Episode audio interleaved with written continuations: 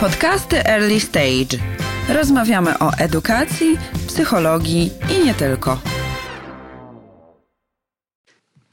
Witamy Was bardzo serdecznie w podcaście Edukacji nie tylko. Przy mikrofonie Beata Wysocka. Ja jestem metodyczką główną w Early Stage i dzisiaj postanowiłam zaprosić Ewelinę Wyczółkowską, która jest dyrektorką strategiczną. Ale zanim przejdziemy do tego, o czym nam opowie, to może opowie nam o śpiworkach. Okej, okay. to jest historia e, grupy studentów, którzy mieli za zadanie rozwiązać jakiś e, problem. E, I problem, który sobie nazwali, to była, odnieśli się do umieral, wysokiej umieralności wcześniaków. Poważnie bardzo. Tak, w krajach trzeciego świata. No i oczywiście pierwszy pomysł, który im przyszedł do głowy, to po prostu musimy wymyślić tanie inkubatory. Ale podeszli do tego właśnie według, e, według jakiejś, e, chcieli podejść do tego odpowiednio, poznać prawdziwy problem i stwierdzili, że pojadą i zbadają e, ten temat. I jak pojechali do Tybetu i weszli do szpitala, to okazało się, że w szpitalach stoją inkubatory i są puste. Mm. I kiedy zaczęli rozmawiać z lekarzami, pielęgniarkami, tak naprawdę o co chodzi, no bo jest tam bardzo wysoka umieralność, a, a inkubatory stoją puste, no, no to okazało się, że, że po prostu problemem e, jest e, to, że odległości, no wszystko jest w górach, są duże odległości i kiedy matka rodzi wcześniaka, to ona może być maksymalnie z nim kilka dni w szpitalu, a później musi wrócić do domu, do rodziny, żeby tam e, być też z innymi dziećmi. Mhm. E, I w momencie, kiedy ona zabiera to dziecko, to ono w drodze z powodu e, niedogrzania umiera. No właśnie. no i podeszli do tego tematu. Taki w ogóle niesamowity problem. Tak. No, kto by się domyślił, że to właśnie o to chodzi? No. Raczej no. standardowo byś pomyślała, że nie stać. Ludzi nie stać na inkubatory czy na jakąś odpowiednią opiekę. No i dokładnie u nich tak się to wydarzyło, bo to był ich pierwszy pomysł, żeby zrobić jakieś tańsze wersje inkubatorów. No ale finalnie jak się pochylili nad problemem i zaczęli się zastanawiać nad różnymi rozwiązaniami, to udało im się wymyślić takie przeno przenośne inkubatory, czyli tak jak powiedziałaś na początku, śpiworki, które są bardzo prostym e, i co, co ważne też niedrogim rozwiązaniem, dzięki czemu są dostępne dla Więc to jest w ogóle genialne, bardzo proste tak naprawdę rozwiązanie, pewnie super tanie, no bo one nie są chyba jakieś wymyślne. Kilka, kilkadziesiąt dolarów. No, ale, ale muszą być jakby na tamte warunki znośne, czyli tak. muszą być w stanie je y, zakupić te szpitale. No i podoba mi się w tej opowieści to, jak bardzo tutaj dokładnie zbadano ten problem i z jaką empatią mhm. musiano podejść do tego problemu. Fajnie, bo użyłaś tu tego określenia empatia e, i to jest właśnie jeden, to jest pierwszy etap i jeden z kluczowych, jeśli chodzi o design thinking. No właśnie, bo dzisiaj będziemy mówić o design thinkingu. I o czym jeszcze? I o kreatywności. Tak. E, no to jakbyśmy spróbowały tak jakoś na podstawie tej historii powiedzieć, czym ten design thinking jest.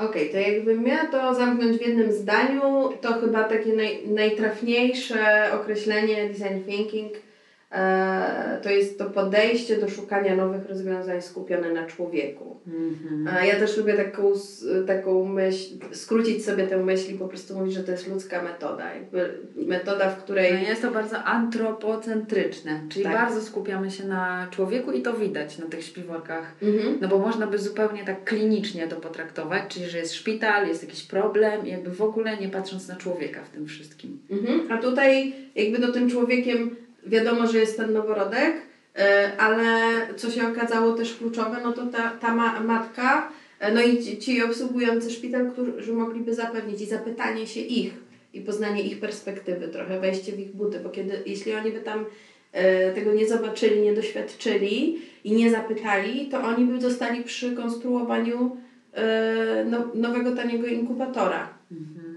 No to, y, bo ta nazwa też y, design thinking bardzo czasami myli i myślimy, że to jest coś związanego w ogóle z projektowaniem, z grafiką. Jak to się ma właśnie do projektowania? Mhm. No, mm, to jest, y, można powiedzieć, projektowanie otoczenia swojego, swojej rzeczywistości. Mhm. Jeżeli swojego byś, życia. Swojego życia, jeżeli byśmy się odnosili właśnie do, do samego tego słowa design. Natomiast, e, no wiadomo, w takim prostym tłumaczeniu to byłoby e, projektowa- myślenie projektowe, tak? Co nie oznacza, że to jest myślenie o y, formie. To, Mhm. to w ogóle tutaj. Tak, ale to też co jest ciekawe, to wiel, wiele osób, które zajmuje się design thinking, a nie lubią tego tłumaczyć, dlatego że tak naprawdę tam jest niewiele, z, znaczy jest tego, co naprawdę się nie, dzieje. Tak, za, za bo, bo design thinking ma w założeniach działanie też, Tak. e, że, że, że to nie A chodzi tylko o myślenie, myślenie. tak. No nie chodzi o myślenie, tylko chodzi o A to już ustaliłyśmy, Ewelina jest jednak, lubi działać, jest bardzo pragmatyczna, Tak. więc y, tylko rzeczy, które mają jakieś przełożenie na praktykę mają dla niej sens. No nie tylko, bez No przesady, ale są dla Bo mnie ważne czasami zdarza się, że z samego myślenia też coś wyjdzie i wtedy na to uzna, no, ale tak to nie. Okej. No dobra, jakieś zasady, czyli mamy już jedną rzecz, to skupienie na człowieku i ta empatia. Czyli to jest pierwsza tak naprawdę zasada. y, I może jeszcze powiedzmy, po co to w ogóle jest? Do rozwiązywania Tak, to jest pod, tak? takie Szeroko. podejście, tak, to co powiedziałam, szukanie nowych rozwiązań. Mhm. Kiedy pojawia nam się jakiś problem, to nie, i my często przychodzi nam do głowy jakieś rozwiązanie, ale często e, zatrzymujemy się na tym etapie. Jeśli ono nie wypali, no to możemy być czasami zdołowani, czasami nad tym przechodzą do porządku dziennego. Tak. Natomiast tutaj założenie jest takie, żeby y, właśnie to nas nie blokowało, żebyśmy szli dalej i szukali tych kolejnych ewentualnie rozwiązań. No i co ważne, żeby te rozwiązania były e, no jak najlepiej odpowiadające na faktyczne potrzeby na, i na faktyczny problem, nie? Tak. E, więc ten, to, ten pierwszy, no to ten człowiek w centrum trochę, to jest jedna z zasad. E, kolejną ważną zasadą jest to, że praca nad rozwiązywaniem jakiegoś problemu, wyzwania, najlepiej jak odbywa się e, w grupie. Mhm. Grupa osób. e, Dlaczego właściwie? Po co nam ta grupa? Dlaczego nie możemy sami myśleć projektowo?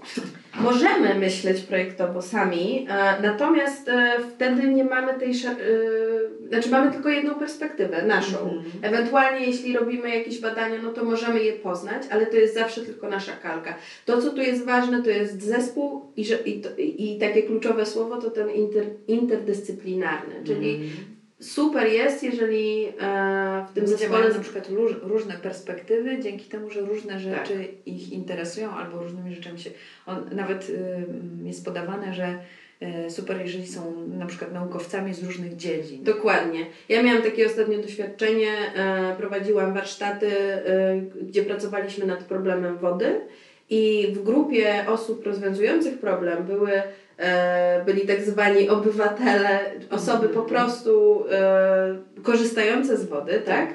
Ale Ale znale... zwykły użytkownik. Dokładnie, ale znaleźli się też w grupie specjaliści znający się na wodzie, e, często naukowcy, którzy pracują na przykład na Świetne. uniwersytecie Mhm. i też e, projektanci, bo chodziło o znalezienie jakiegoś e, konkretnego narzędzia, więc projektanci znaleźli się tam po to, żeby też wesprzeć cały zespół już w tym procesie szukania konkretnych technologicznych rozwiązań.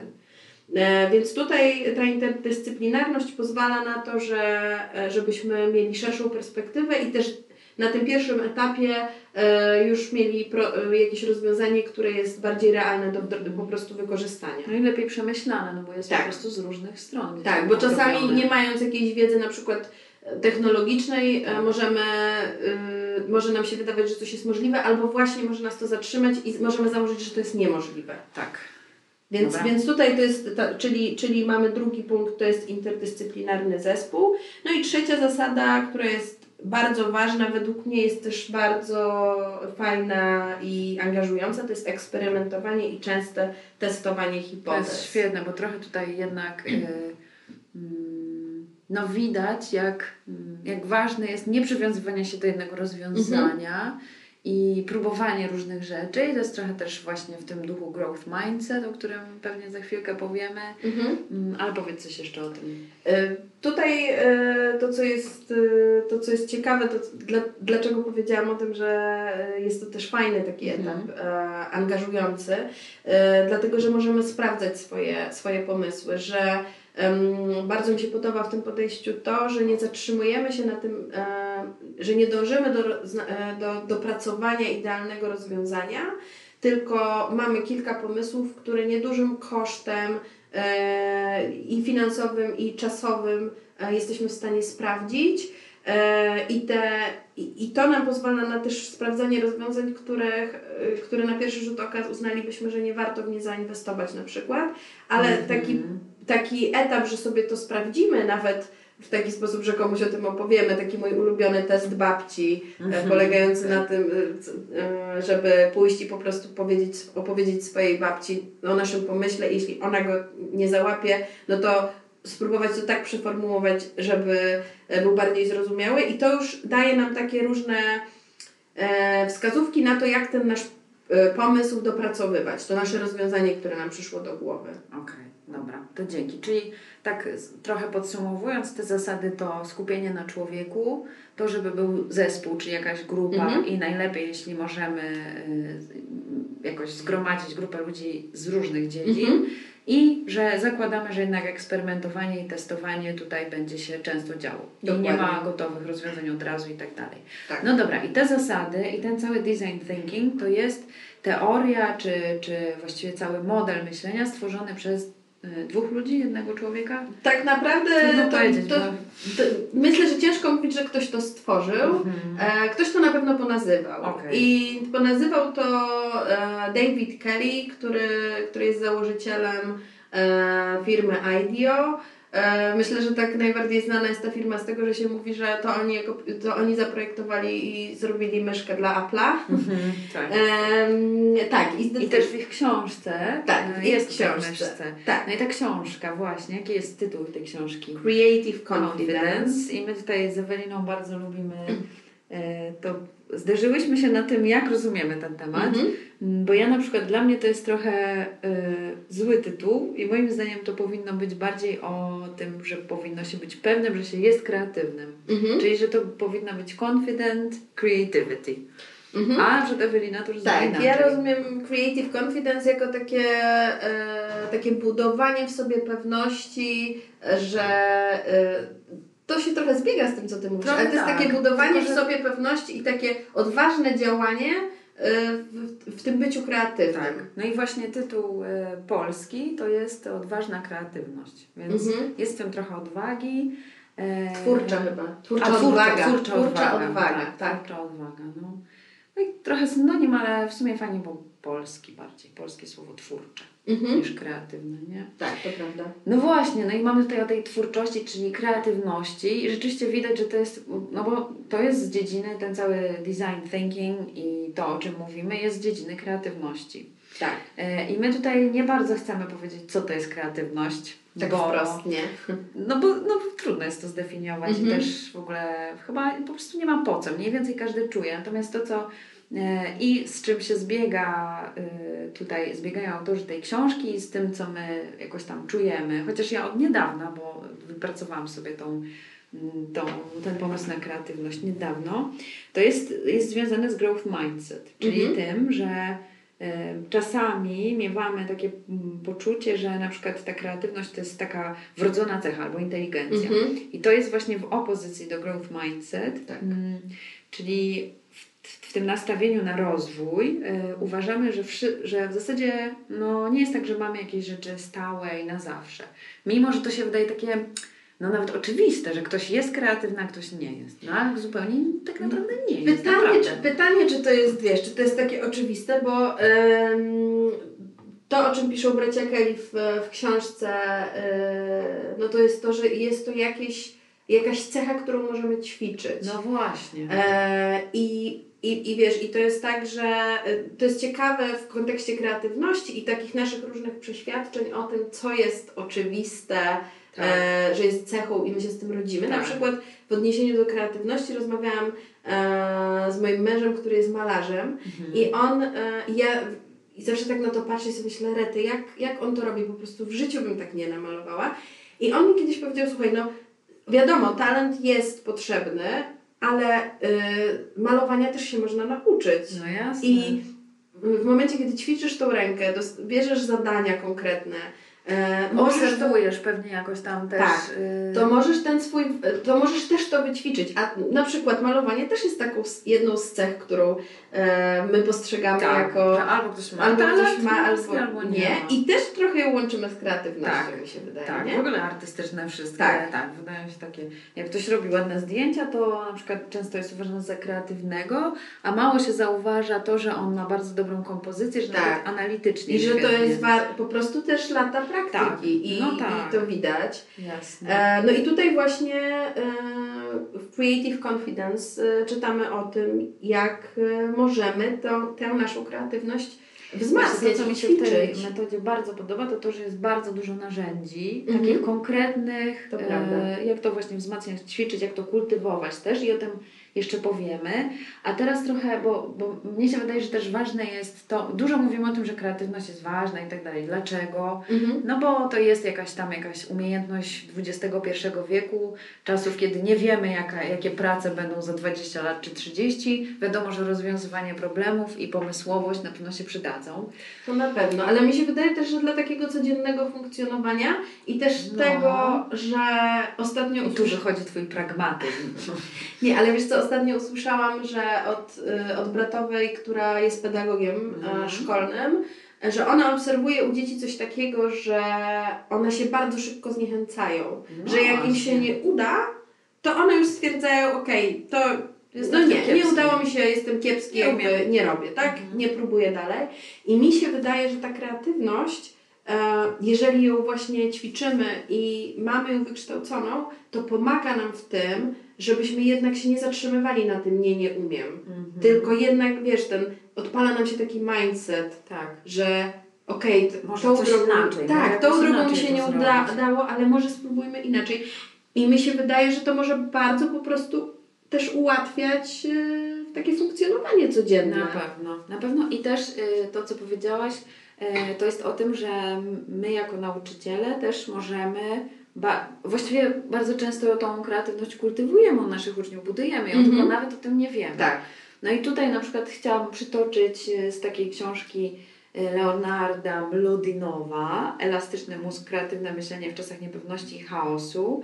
Mm, czynniki psychologiczne istotne dla procesu myślenia elastycznego, czyli tego myślenia, które się uważa za mm -hmm. kreatywne w opozycji do analitycznego, czyli takiego no, bardziej no może nie pasywnego, ale takiego, które jest nastawione na analizę tego, co już mhm. jest, a nie tworzenie od nowa. Mhm. No ja mówię tak, że do takich czynników zalicza się neofilia, to jest upodobanie do nowych rzeczy. To jest fajne, bo często się mówi o tym, że e, ludzie nie lubią zmian.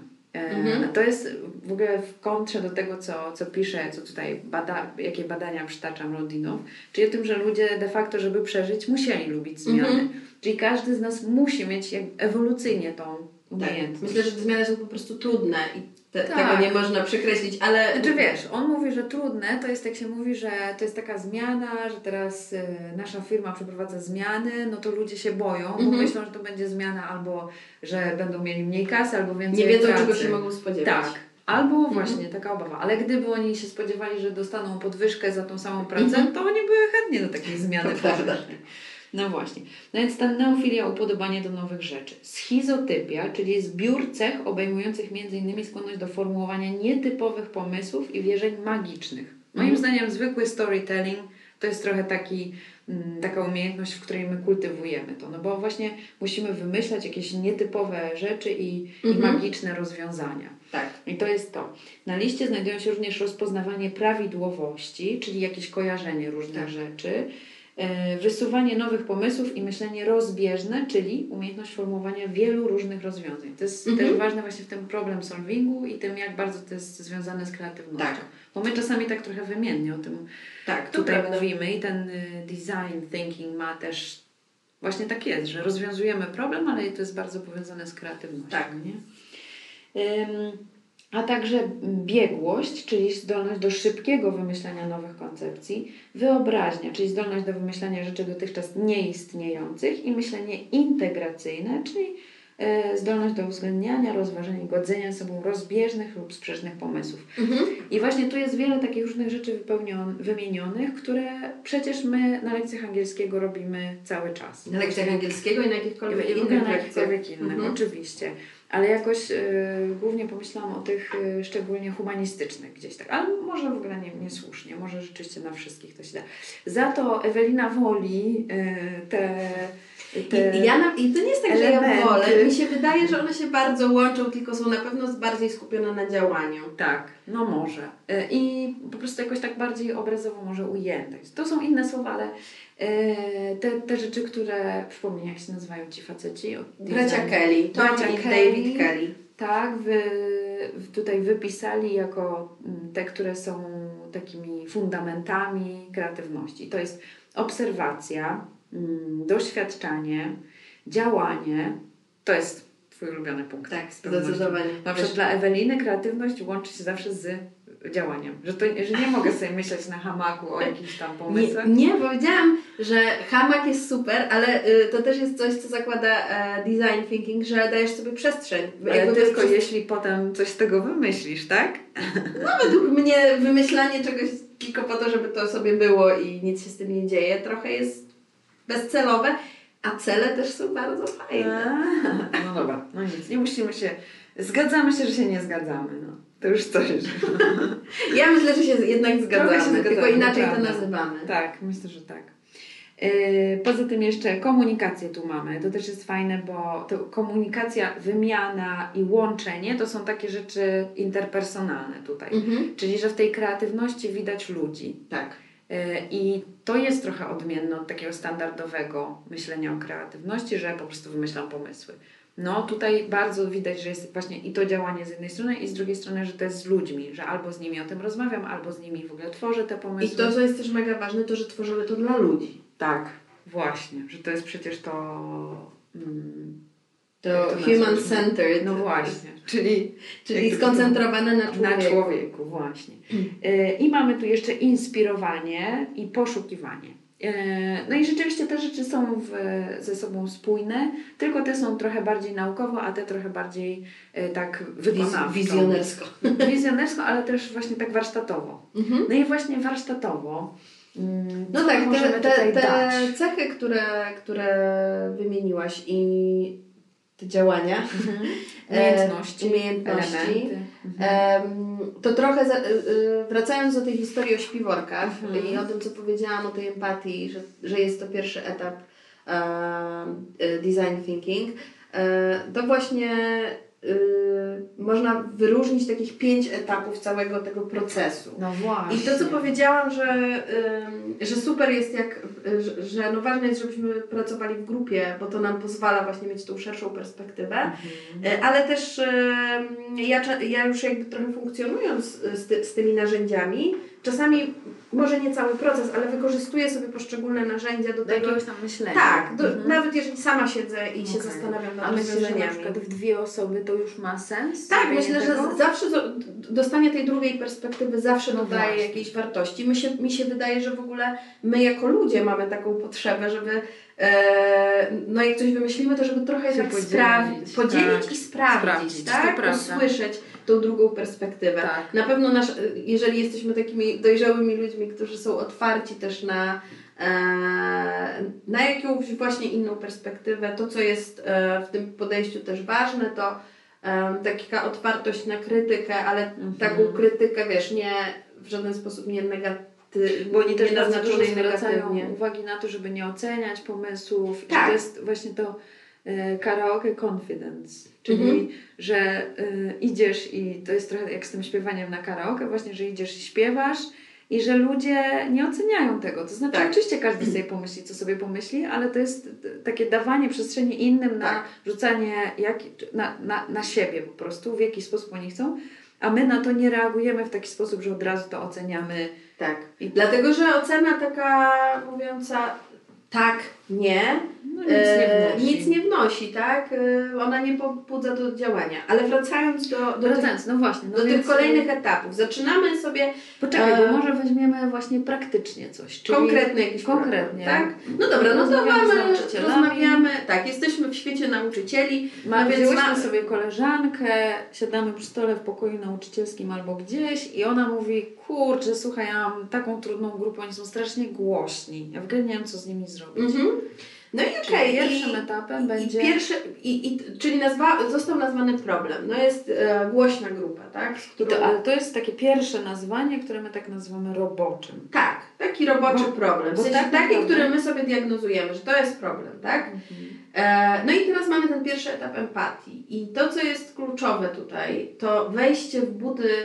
E, No bo tutaj e, docelową osobą, dla której szukamy rozwiązania, no to jest nauczyciel, ale z drugiej strony Ten uczestnikami tych rozwiązań Czyli będą potrzebujemy uczniowie. empatii i e, pewnie dla wszystkich uczestników. Dla Ale wszystkich sami uczestników, ale będziemy szukali, chodzi nam o znalezienie jakiegoś rozwiązania, które będzie skuteczne w odniesieniu do uczniów. Okej. Więc zakładam, że tutaj chcemy Musimy wejść zrozumieć buty, ich. zrozumieć ucznia i wejść w jego buty. Mhm. E, no i jak to zrobić, tak? Mhm. E, chodzi, e, tutaj nawiązywałaś w tym podejściu bardziej naukowym do tego, to jest to myślenie rozbieżne. Mhm. Czyli my startujemy z jakiegoś punktu i teraz chcemy poznać, poszerzyć naszą perspektywę i nie trzymać się tego, co nam się wydaje, bo my Mhm. możemy się opierać na tym, że nam się wydaje, że oni są, nie wiem, znudzeni, są albo są po prostu niewychowani. niegrzeczni. Tak, dokładnie. Tak. Że Tylko, prostu... że i można tak, i tak można latami, Tak, tylko, że i- nie rozwiązujemy problemu. Dokładnie, bo może się okazać, że to nie jest ten faktyczny problem. To trochę jak z tymi inkubatorami. Oni wystartowali od tego, że potrzeba em, tańszych inkubatorów. Okazało się, że inkubatory są Tak. i że to nie jest faktyczny problem. Więc e, wchodzimy w buty e, Jak możemy to użytkownika. zrobić? Jak możemy to zrobić? Możemy e, przeprowadzić wywiady, Mhm. czyli rozmowy. Czyli porozmawiać. Możemy Ja porozmawiać, tak, ale co jest ważne, dobrze, żeby to nie rozmawiał ten nauczyciel, który jest A, nauczycielem klasy, tam tylko na przykład ta koleżanka. Dlatego, że to, co jest ważne na tym etapie, to żeby nie oceniać. Hmm. E, A ja już jednak mam jakieś tak, no, mam, no jesteś, bo oni mnie no my już jesteśmy zdenerwowani tym, Tak. tą sytuacją, więc fajnie poprosić kogoś innego o taką rozmowę. E, y, I drugie, jakby to można robić równolegle, e, obserwacja. I też fajnie poprosić kogoś, kto nie ma takiego naznaczenia. Nawet fajnie, jeżeli jest taka opcja w ogóle poprosić, wiesz, kogoś, kto nawet tej klasy nie zna Nie na zna, przykład. tak. Kto sobie tam wejdzie i będzie, Tak. i co jest ważne, a, To e, chyba najlepiej właśnie. tak. W ogóle nie znam, nie miał. I w ogóle, że, on, e, że ta osoba, ta obserwacja ma na celu e, wynotowanie konkretnych zachowań, konkretnych cytatów z tego, co mówią Czyli te taki dzieci. case study. Dokładnie. jaką, jakieś tam Tak, i żeby te notatki czy obserwacja taka z, z tej obserwacji nie były też na, obciążone żadną oceną. Okej. Tylko po prostu suche fakty, co się wydarzyło. Tak. E, no i tutaj, i to jest ten pierwszy etap. I on e, jest Ja myślę, że on jest jakiś taki pewnie najważniejszy. co? Według mnie tak. W sensie ja uważam, że, że jeżeli my to dobrze przeprowadzimy, to, yy, to to, co się będzie dalej działo, ma szansę lepiej zadziałać, tak? Tak. Oczywiście. Yy, Oczywiście to wymaga jakiegoś też takiego, wiesz, jest jednak ciężko się czasem odkleić od tej Jest, swojej jest. perspektywy. I tu I dochodzimy. wymaga jednak no, trochę zachodu, no bo Tak. rzeczywiście musisz albo kogoś, albo tą obserwację, no to jest czas. Tak, to jest czas na pewno, I zaangażowanie. Mhm. Em, no i, i ja sobie zdaję sprawę, że pewnie czasami jest to trudne do, do grania, ale ja sobie tak, to co mnie zawsze No zachęca jest w tym podejściu. Tak. no. I to co mnie zawsze zachęca, to że jednak nie jest to takie bardzo kosztowne. W sensie to jest Tak. czas oczywiście em, te osoby, która Ale nie musisz obserwować. kupować książek, klocków Tak. Lego, jak do tych prototypów, o których Tak. zaraz tam- E, więc, No dobra. więc, więc to jest pierwszy etap i kończymy go z tak naprawdę z taką bardzo szeroką perspektywą, tak? Czyli to myślenie rozbieżne, e, no po prostu poznaliśmy perspektywę tego naszego ucznia, obserwując go i teraz dochodzi, chcemy, jest drugi etap, który się nazywa diag- diagnoza potrzeb, Dobra, czyli najpierw problem roboczy formułujemy, potem obserwacja i teraz i teraz przechodzimy potrzeby. do diagnozy potrzeb, Mhm. czyli na podstawie tych e, Na przykład z punktu widzenia metodyka, to dla mnie ten, ten etap jest najważniejszy. Czyli wiadomo, że ten pierwszy jest super ważny, no bo się zbiera Nie no, dobra, pierwszy Musi- jest bez pierwszego nie ale drugi jest mój ulubiony. No, Okej. Po prostu gdzieś tam czuję, że te potrzeby mają wielki sens i dlatego też bardzo widzę gdzieś tam Aha. zastosowanie tego design thinkingu właśnie w edukacji. Tak, bo wydaje mi się, że wiesz co, em, no to co powiedziałaś, on jest na pewno ciekawy dla Ciebie, Mhm. super. E, natomiast bez tych danych z pierwszego etapu, No no, tak. my nie jesteśmy w stanie zrobić sensu, e, tego, tych, tych, tej analizy potrzeb trochę, Tak. tak? I tu co jest ważne, zrobić? To Mhm. z tych wszystkich danych, które mamy, czy z tych e, rozmów z uczniami, czy z e, obserwacji, które były, po prostu tutaj się śmieję czasami, bo ludziom często e, design thinking się kojarzy z karteczkami post-it, E, ale one się tutaj bardzo przydają, bo to co jest ważne, to żeby na etapie żeby na etapie e, tutaj tych pro, mm, Wypisać, Wypisać, potrzeby, tak. prawda? I to, co jest- żeby się nie ograniczać. tak, i to co jest ważne, to, to, to fajne, te karteczki pomagają faktycznie, że Tak. się pisze jedną rzecz na jednej karteczce. prawda, ja to przeżyłam, byłam wkurzona, że muszę wypisywać na tych głupich karteczkach, a potem widziałam, okej. Tak, to ma ale wiesz sens. co, bo to z tej perspektywy myślenia rozbieżnego bardzo pomaga do y, przejścia do tego y, myślenia integracyjnego, żeby sobie zawęzić perspektywę, bo Tak. nagle masz ten moment na początku diagnozy, diagnozy potrzeb, że masz bardzo dużo tych wniosków i Mhm. jakby zaobserwowanych potrzeb i taką potrzebą może być na przykład W e, przypadku, te, w przypadku tych uczniów potrzeba uwagi. potrzeba uwagi, Niezaspokojona. i powiedzmy, że jest to jedna z tych potrzeb, które myśmy sobie Tak, no bo nazwali. mogą być też inne potrzeby, na przykład, że oni są głodni akurat w tym Dokładnie. momencie i, albo i, i dlatego są po prostu Dokładnie, i one się wszystkie po, pojawią na tych karteczkach, Tak, ale dochodzimy ale do momentu, że musimy zdecydować.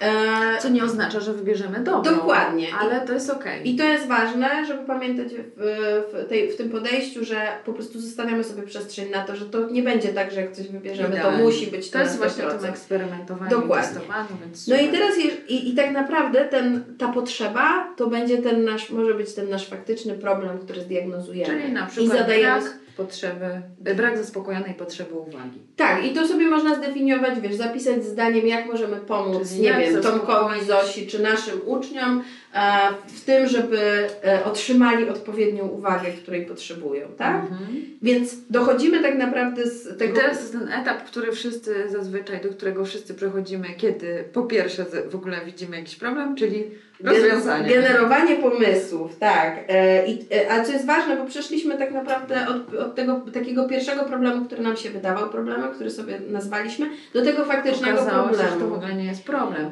I to widać, jak y, no, słaba jest metoda w, w, o- od formowania problemu od razu do, Do pomysłów. do pomysłów, do rozwiązań, no bo Tak. ten problem czasami może się okazać pewnie często źle w ogóle sformułowany. Tak, może tak być i się może okazać, że pracujemy nad jakimś problemem, który nie jest problemem. Tak. E, Albo który jest zbyt ogólny, albo który Dokładnie. w ogóle nie dotyka tego, co tak naprawdę nas gdzieś tam gryzie. No Dokładnie. tak. Dlatego Dobra, no i rozwiązania. przechodzimy do generowania pomysłów i to jest taki etap, który my wszyscy znamy jako burzę mózgów. Tak. A E, możesz podać jakieś fajne narzędzie właśnie w tej metodzie Tak, na to właśnie generowanie? takim bardzo ciekawym e, i też według mnie właśnie do wykorzystania narzędziem nawet w jedną, dwie osoby. E, są tak zwane crazy eights, Mhm. czyli bierzemy sobie kartkę A4 i składamy ją w taki sposób, żeby powstało nam 8 prostokątów, Mhm. czyli na, na pół wzdłuż Tak. dłuższego boku i potem na, na ćwiartki. E, I e, po rozłożeniu mamy po prostu już 8 prostokątów. I to, co Mhm. jest ważne, to żeby włączyć sobie stoper e, i 60 sekund na prostokąt. I co? Czyli wypisywać. I wypisujemy pomysły, ale chodzi o to, żeby, żeby po prostu faktycznie po tej minucie przechodzić do następnego Tak. prostokąta. No i jeżeli robimy to w dwie osoby, to mamy po 8 minutach 16 pomysłów.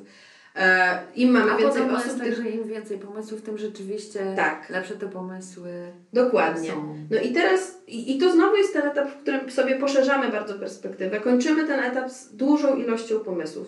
E, tak? No i teraz pytanie, e, co z nimi dalej zrobić? No właśnie. I tutaj, Ja myślę, że od razu wprowadzamy je w życie. no ale jak skończysz z Niech to. e, Nie miałam 80 racji. pomysłami, No to jakiś jeden wybiór. No już wy... Aha, bo Nie, musisz wybrać teraz 16. pomysł. Tak, no dobra, musisz to nie co? pomysł. Nie mogę ich po kolei na przykład wprowadzać? No mogłabyś, mogłabyś, tylko to wtedy jest bardziej czasochłonne. I pytanie, e, czy jak od razu się rzucisz na... I nieefektywne. Dokładnie, bo jak weźmiemy od razu jakiś pomysł e, i nie... Pierwszy lepszy. Pierwszy lepszy, to może się okazać, że po trzech minutach byśmy e, wiedzieli No już, jak chwilę byśmy o tym chociaż pogadali z babcią na przykład, Okej. że się nie sprawdzi, nie? Tak.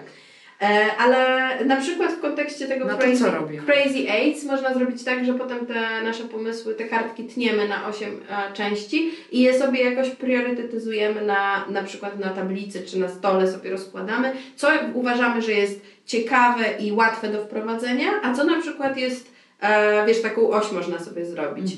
E, trudność e. Czy generalnie kategorie?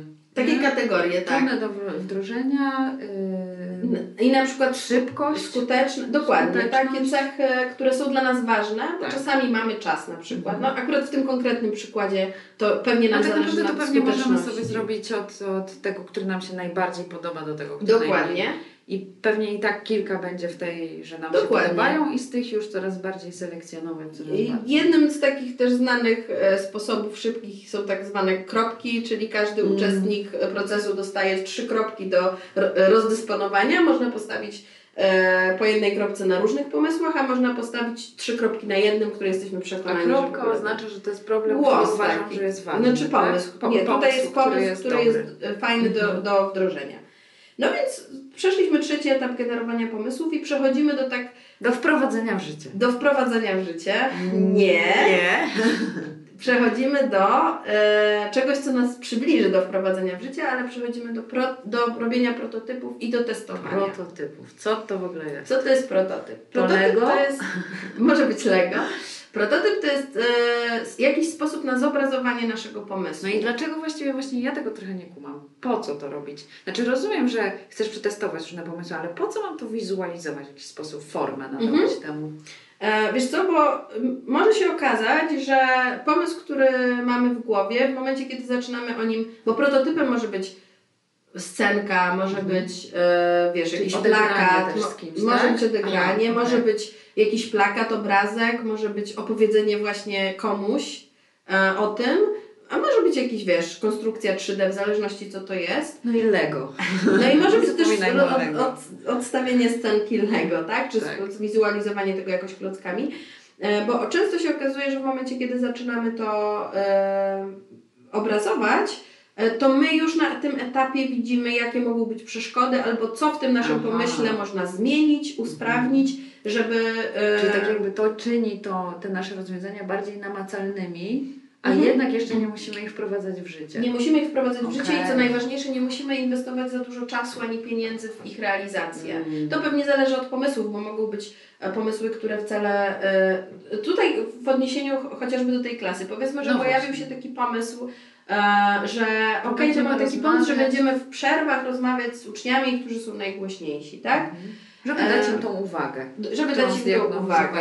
że jest nie do... Oczywiście tutaj wrzuciłyśmy taki pomysł, który pewnie e, szybko przychodzi do głowy, jest jakiś prosty, no bo też nie przeszłyśmy sobie, wiesz, nie analizowałyśmy Nie, tego, nie ale powiedzmy, że jest to taki pierwszy z brzegu pomysł, który nam przyszedł do głowy. No i teraz ja sobie wyobrażam, że mogłabym od razu pójść na lekcję i to przetestować. Mhm. Jest też to jakiś sposób, Tak. przy czym e, on jakby trochę... Ja bym tak zrobiła. Byś tak zrobiła, okej, ale wiesz, gdybyś na przykład przyszła i e, ze mną pogadała o tym, to pewnie ja bym Ci dała, e, to, to ja bym Ci zadała pytanie nawet, czy nie, czy, co, co zrobisz w sytuacji, kiedy, kiedy będzie tych uczniów z Twojej grupy pięciu, a masz na przykład pięciominutową Okej. Czy tam, wiesz, będzie cała Czy grupa. to jest rodzaj takiego mm, odegrania tego jeszcze nie w realu? Tak, i wiesz co, ja lubię I, bardzo... I my byśmy wtedy zauważyły, że ups, mi tak naprawdę nie starczy czasu, Dokładnie, więc ten pomysł już możemy odrzucić na tym etapie al, na albo. Albo go zmodyfikować. zmodyfikować. Na przykład tego dnia poświęcę czas y, tam Jasiowi, a innego i oni nie będą wiedzieć kto, kiedy, po prostu to będzie takie naturalne. Ale coś już nam to pokazuje, że Dokładnie. to działa, a to na przykład jeszcze nie wiemy. Ja bardzo lubię na tym etapie taki sposób dawania informacji zwrotnej osobie, która prezentuje pomysł. Em, w takiej formule podobało mi się chciałabym, chciałbym. Mhm. Czyli nie mówisz tak, ale, bo to ale zawsze już stopuje. No Albo jasne. to jest fajne, ale wiesz co, to się nie uda. To w ogóle nie ten. I jakby no, to już no, ale kasuje wszystko, co było wcześniej. Dokładnie. Więc wiesz co, w tej formule podobało mi się chciałbym albo chciałabym. E, to jest tak, że to, co się dzieje po chciałbym, no to jest właśnie ta informacja, co uważam, że jest niedopracowane, ale e, to powoduje, że ja chcę odpowiedzieć na to, co ty byś chciała. Wiesz, to uruchamia we mnie, okej, tym to jest jednak konstruktywne, bo ty tutaj y, dajesz jakieś y, problemy, ale nie w taki sposób, że mi się po prostu nie podoba. Ty coś tam, gdzie musisz tu nakreślić. dokładnie, dokładnie. Sama musisz się zastanowić. Albo właśnie ja bym tutaj zrobiła coś takiego, słuchaj, podo- podoba mi się w tym pomyśle to, że e, będziesz poświęcać uwagę właśnie i czas konkretnym uczniom, ale chciałabym wiedzieć, co w tym czasie dzieje się z pozostałymi uczniami. Dobre. I wiesz, i ty wtedy musisz się zastanowić, Tak. czy w tym pomyśle jestem w stanie to tak dopracować, że, od, że rzeczywiście to możemy, wiesz, jakoś zajmę tych pozostałych Tak. uczniów, czy nie i musimy odłożyć ten pomysł, Tak. bo się nie sprawdzi. No i tu bardzo widzę też y, sensowność tej drugiej osoby, która rzeczywiście Mhm. to widzi z innej Znaczy na- na perspektywy, etapie-. I... Na etapie prototypowania i testowania, na etapie testowania, no to musisz mieć Tak. inne osoby. W sensie musisz Znaczy mieć też swoją wydaje się, że sobie coś tam narysujesz komiks albo zrobisz Lego i to jest okej. Ale nie, no widać, że to trzeba z kimś Nie, no bo to nie chodzi o to, żeby to zrobić dla siebie. W sensie część rzeczy No pewnie ci wyjdzie, jak robisz dla siebie nawet, ale jeżeli ty to rysujesz, to ty już to rysujesz według jakiegoś pomysłu. Już jesteś, wiesz, w tym. Tak. Więc musisz mieć taką, e, coś, co cię odklei. Tak. No, Tak. tak. obiektywizm. Okej, dobra, I, czyli... czyli to jest ten czwarty i piąty etap, który ja trochę traktuję razem, bo one się bardzo wymieniają, e, czyli prototyp, te, prototypowanie i testowanie. I czyli te pięć etapów. E, Jest też coś ważnego, y, co powiedziałaś mi wcześniej, o tym, że to rozwiązanie, że to jest taki trochę cyrkularny proces, Tak. czyli że to rozwiązanie wprowadzasz w życie, ale jest szansa i trzeba tego oczekiwać nawet, że to na przykład nie będzie dobre Tak. rozwiązanie i wtedy będziesz musiała wrócić do któregoś do wcześniejszego któregoś etapu. wcześniejszego etapu, Może się okazać. pierwszego, O, bo już się- zrobiłyśmy dobrze ten wywiad, załóżmy. Tak. A jeśli nie, to być może trzeba go jeszcze poszerzyć, no ale załóżmy, że dobrze, no to być może wrócimy znowu do potrzeb, a może jednak do tych A rozwiązań. może, tak, bo może być tak, że jakby przetestujemy pięć rozwiązań i stwierdzimy, że nie, to nie musimy wracać aż do wiesz, kolejnej Tak. diagnozy potrzeb, tylko możemy wrócić sobie do e, tych naszych innych pomysłów, których Tak było dużo. E, Dobra, no to no i kończymy z jakimś rozwiązaniem. E, I teraz e, jeszcze do tej cyrkular, e, cyrkularności, o której powiedziałaś. E, bo bo też to, co jest e, według mnie ważne, bo jedno to jest, że ty możesz stwierdzić, że to nie działa i chcesz się do czegoś, wiesz, i musisz wrócić do któregoś etapu, ale według mnie to, co też nadaje takiej kreatywności temu podejściu, to to, że ty możesz po prostu stwierdzić, że okej, na ten moment to jest najlepsze rozwiązanie, ale nie wiem, za miesiąc, dwa, e, to rozwiązanie już e, nie jest okej. Tak, że bo się okoliczności się zmieniły. warunki, okoliczności, I chcesz popracować nad czymś dynamika. innym. Więc tak. to jest ważne, żeby pamiętać, żeby, żeby się nie zatrzymywać w tym procesie, że on jest takim wielkim Ale gdybym chciała tak naprawdę zapamiętać jedną rzecz, taką najważniejszą z tego, to chyba bym wzięła to, żeby nie przeskakiwać od problemów do rozwiązań. Że Tak. te, te dwa etapy, czyli to zebranie informacji, ta obserwacja Empatia. i etap empatia. empatii. Tak, to jest też ważne, żeby to było gdzieś tam w tych emocjach osadzone, żeby Mhm. była w tym jakaś jednak jakieś podejście do człowieka, takie nie tylko do problemu. I właśnie ten etap potrzeb że to, i to skupienie na tym jest dla mnie bardzo ważne i też taki zupełnie inny od Mhm. standardowego myślenia. Tak. No dobra, a jakbyśmy miały ym, tak jakoś polecić ym, jakieś sposoby, metody, czy po prostu no, zwykłe wskazówki, jak kultywować w siebie tą kreatywność, czyli na przykład jak chcemy gdzieś tam generować rozwiązania, no to potrzeba nam pewnie sporo jakiej, jakiegoś takiego otwarcia. Mhm. Może nie sporo, no ale potrzeba się jakoś Mhm. otworzyć i być takim no, mniej analitycznym, a bardziej właśnie elastycznym. To jak możemy to robić? No, na pewno e, to, co wiele osób, które e, działa w tym, w tym duchu design thinking, e, to są osoby, które polecają i zachęcają do tego, żeby sobie taki dzienniczek prowadzić. A wiesz, zawsze, żeby mieć przy sobie Zapisywać notatnik, pomysły. żeby zapisywać te Tak. pomysły i właśnie i, i co- trochę wracać. widzimy też, jak bardzo... Dokładnie, tak żeby jakoś materializować, nie? Tak. E, więc to jest na pewno jedna e, Idealnie, jedna gdyby w rzecz. ogóle były zwizualizowane i w obrazeczkach, bo to też jest mocna Tak. Ale to też pewnie metody. zależy od osób, wiesz? Bo myślę sobie, że niektórzy bardziej słowo takie pisane, Mhm. a niektórzy, Niektórzy właśnie... widzą słowa, więc to jest trochę to samo. No, okej. Mhm. Ale wiesz, a niektórzy na przykład będą rysować. Ja na przykład tak mam, że ja Mhm. zdecydowanie bardziej będę rysować niż, e, niż Okej. pisać, nie? Okej. Mm, No ale w jakiś sposób utrwalania tego i Mhm. trochę, trochę tak jak ostatnio usłyszałam, że wyrzucaj z siebie te pomysły, bo też Tak, jest tak, że jak się wypluwaj. zalewa, wypluwaj, Tak. bo jak wiesz, jak się zalewasz tym, to trochę tak kisisz, jesteś w Się tym i nagle zastanawiam, czy- dochodzisz do takiego chaosu też w głowie, No właśnie. że masz właśnie. tego tak dużo. Chciałam, chciałam powiedzieć, bo w tym momencie miałam taką myśl, że kurczę, masz tego tak dużo, czy z tego powodu nie nabawisz się jakiejś, jakiegoś problemu z głową? Znaczy wiesz, to, to jest ważne, żeby na pewno to wy, właśnie wyrzucać siebie, Tak. bo, bo nagle możesz dojść do takiego momentu, że jesteś po prostu tym przytłoczona i zmęczona. Tak. I, I nie masz już mocy na to, żeby, spra- żeby sobie myśleć o tym, czy te pomysły w ogóle są do wykorzystania. Tylko bardziej się to przygniata. Więc Tak. na pewno to, to jest ważne, żeby w ogóle to gdzieś. Czyli porządkować, ale też to działa tak, że jak wypisujemy, to ja słyszałam kiedyś, że jak się za- zapisuje sny, to zaczyna się ich więcej pamiętać. Że w Mhm. jakiś sposób przelanie czegoś na papier sprawia, że no, że to się tak powiela. Może tak Jest, jest to, znaczy nie, nie sądzę, żeby to było magiczne. Jest na to na pewno jakieś wytłumaczenie, a ja go nie znam, więc nie będę tutaj Mhm. wymyślać. Na pewno fajne jest też robienie rzeczy niezwiązanych z tym, co zazwyczaj robimy. Czyli Tak. trochę o zmienianiu. No, mówi się, że no, jak codziennie jeździsz tą samą drogą do pracy, Mhm. to powiedz, pojedź czasami inną. Tak. Ja też słyszałam na przykład o takim sposobie, żeby raz, nie wiem, raz na jakiś czas, raz w miesiącu kupować sobie gazetę o tematyce, Super która to totalnie Cię, wiesz, Tak. nie, Nie nie, interesuje. nie interesuje, typu, nie wiem, ja w ogóle się nie znam na, powiedzmy, o wędkarstwie, nie? Tak. I po prostu, żeby faktycznie to przeczytać i tak spróbować wzbudzić w sobie takie zaciekawienie, a to dlatego, że też... Coś zrozumieć, na przykład jakąś Tak, rzecz, a to też dlatego, że design thinking zakłada, że budujemy też na takich porównaniach, wiesz, że te Tak. pomysły nam się rodzą na tym, że sobie bierzemy coś na przykład z innego totalnie obszaru Tak. em, i To są trochę metafory i to jak działa mózg też, że on przenosi różne na przykład procesy z jednej dziedziny w drugą i w ogóle nie widzi z tym problemu. Mhm. A jak im więcej jakby znamy takich różnych rzeczy, no Mhm. to tym łatwiej jest nam potem przyporządkować je do jakiegoś problemu.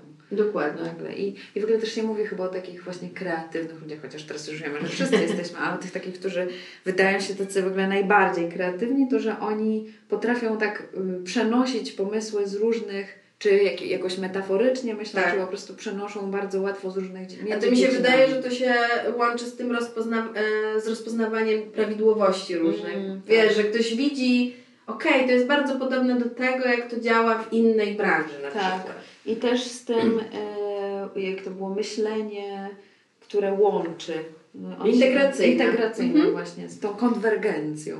Czyli, że jak łączymy różne rzeczy i po to też te interdyscyplinarne Zespoły. zespoły Mhm. one po prostu to robią. Dobra, i jeszcze na pewno też zachęcamy do do Tu mamy, warsztatów mistrz, mamy też różnych dziwnych. mistrzynię podważania. A tak, podważanie jest super. No Tak. Wszystko można podważyć i tylko problem jest z tymi, którzy muszą na to jakoś reagować. Tak, ale też to jest ważne, żeby pamiętać o tym, że jak podważamy, to, no, to co w tej kreatywności nam może pomóc, to że my podważamy, ale jakby szukamy jakiegoś rozwiązania, a nie, że tylko Tak. Nie wchodzimy w taki marazm krytykujemy. tak, podważania i tylko mówienia, yy, no nie jestem przekonana, czy to zadziała, nie? Tak, I jakby na tym koniec. Bo w tej kreatywności właśnie chodzi o to, żeby to pociągnąć. Tak. Dobra, zbliżamy się do końca, ale podajmy jeszcze trochę jakiegoś takiego mięsa, Mhm. czyli tego, co możemy. Na pewno możemy polecić te dwie książki, czyli tą Creative Confidence tych panów, znowu nie pamiętam ich nazwiska, Tom Kelly i David Kelly. Kelly. Mhm. I ona jest fajna po angielsku, bo jest napisana bardzo przystępnym, takim wizualnym właśnie językiem. Mhm. Jak ja ją czytałam, to wysyłałam Ewelinie SMS-y po nocy. o, tu jest jakiś rollout ideas czy coś. Tak. Że jest super, ale też i, i, i łączy wiele różnych potrzeb, czyli i, i jest masa case'ów i jest dużo Konkretne narzędzia też są opisane. konkretne narzędzia, ale jest też teoria i na przykład proces rozpisany, Mhm. także każdy coś tam znajdzie dla siebie. Mm, No tylko może być może wizualnie nie jest jakaś taka super ciekawa. No To zależy pewnie kto co lubi. Czarno-białe Mi to na przykład nie przeszkadza. No wiem, mi też nie, ale na przykład moje sześcioletnie dziecko już by tego nie przeczytało. No okej, ale Bo myślę, że nie jest, nie jest w targecie. Nie no, ale mówię o takich ludziach, którzy jak lubią, wiesz, jak, jak coś jest takie ładne i ma obrazki, ładnie Mhm. pachnie, no to pewnie to nie jest jakaś taka książka, która... Ale umówmy się, nie. to nie jest jej, jej wartość. Więc to jest jedna książka. A druga, Druga... no to jest ten Leonard Mlodinow, Elastyczny mózg, kreatywne myślenie w czasach niepewności i chaosu. Mhm. No i ja mega e, bardzo polecam e, strony internetowe, e, e, design kit przygotowany właśnie przez IDEO, który, który jest po prostu źródłem um, dużej ilości narzędzi i w taki mm. bardzo przystępny sposób opisanych. E, właśnie e, na przykład na przykład opisane jak robić mapę empatii, o, czy jak super. przeprowadzać wywiady, czy jak robić e, mind mapę.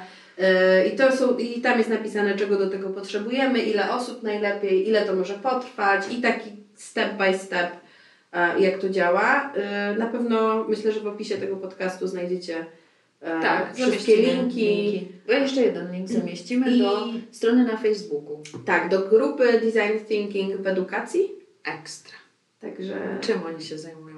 E, tam właśnie się dzielą tym, jak design thinking można wyko wykorzystać w szkole, w swojej klasie, do już e, bardziej, myśmy tutaj m, raczej wprowadzały do tematu, żeby zarysować, czym jest design thinking, a, a tam, tam jest tak bardzo już też e, odnośnie tego, jak przedmiotowo można sobie na przykład wykorzystywać design thinking w klasie ze swoimi uczniami. Tak jest. No dobra.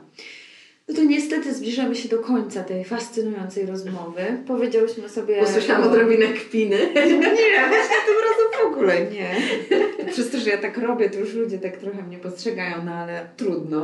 Będę z tym jakoś żyć. Powiedziałyśmy sobie o śpiworkach trochę po to, żeby ym, pokazać główną cechę tego design thinkingu, czyli tą humanocentryczność, to skupienie na człowieku, empatię i że do, bardzo dobre zbadanie potrzeb i poobserwowanie mhm. rzeczywiście sprawia, że dochodzimy do, do no, lepszych rozwiązań, bardziej efektywnych na pewno. Może nie szybciej, ale, no, ale jeśli to są bardziej efektywne, no to tak, ale to też jest pewnie różnie. szybciej, no bo nie musisz 40 różnych rozwiązań testować. Dokładnie.